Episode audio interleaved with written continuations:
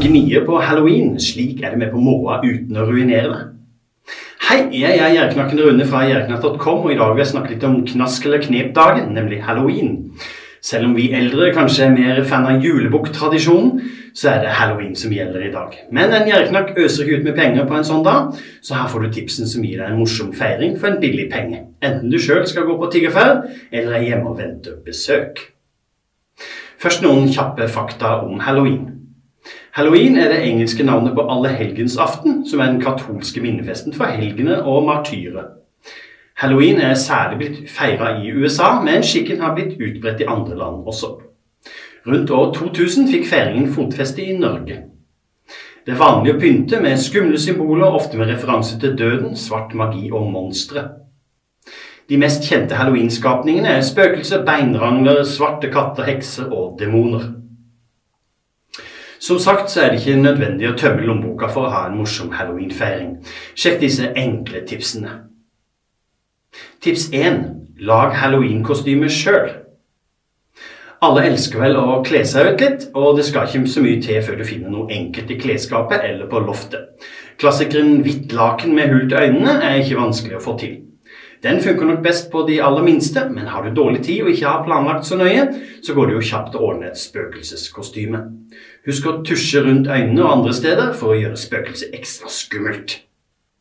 Så er det tid for å finne fram gamle klær. Hva med å lage et skikkelig fugleskremsel? Enkelt ved å rive litt i gamle klær, sy på noen lapper osv. I tillegg må du selvsagt skremmende sminke på. Hvis du ikke vil gå utkledd som et fugleskremsel, kan det jo være en god idé å lage ett til å pynte opp utenfor huset ditt. Bruk fantasien og sjekk ut hva andre har laga av halloweenkostymer. Du trenger ikke være kunstner eller sydame for å lykkes. Jeg anbefaler at du googler DIY Halloween Costumes som rett og slett gir bøttevis med gjør-det-selv-kostymer som ikke er vanskelig å få til. Tips to kjøp gjerne gresskar, men bruk det. Ideelt sett har vi selvsagt gresskar i hagen, men de fleste av oss må sikkert kjøpe gresskar i butikken hvis du vil ha sånn pynt.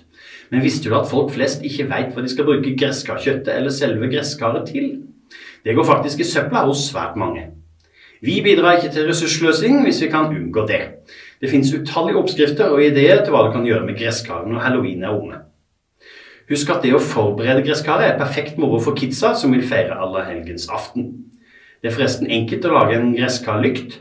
Skjær av toppen på gresskaret og ta ut alt kjøttet. Skjær ut øyne, nese og munn når du har hult ut gresskaret. Toppen med stilken bruker du som lokk. Sett inn lys i gresskaret. Tips 3. Lag godteri sjøl, eller kjøp iallfall billig og smart. Har du litt tid og samtidig vil leke litt på kjøkkenet, er halloween perfekt for å lage godteri sjøl. Det behøver ikke være fancy godteri som er veldig tidkrevende. Hva med eplesmil, epleskiver med marshmallow imellom, edderkoppmuffins, spiselige spøkelser, eggehvite sukker- og sjokoladesaus eller blodig popkorn med rød konditorfargen? Jeg har særlig sansen for avkutta fingre, enten laga med småpølser eller kransekakedeig. Du googler deg kjapt frem til bilder og oppskrifter. Mange butikker har tilbud på smågodt i disse dager. Dersom du vil kjøpe sånt, bør du gjøre det dagen før eller samme dag som halloweenfeiringa. Ellers kan smågodtet merkelig nok forsvinne før selve dagen. Det er ikke særlig smart å kjøpe disse minisjokoladebarene, ei heller er det så sikkert at smågodt i løsvekt lønner seg. Sjekk prisene, og kjøp kanskje heller poser med godteri.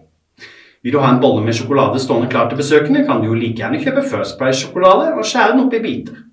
Mange steder kan du også kjøpe søtsaker som nesten har gått ut på dato, enten du sjekker i Fritzson handlekurver du gjerne finner hos Kiwi eller Rema 1000.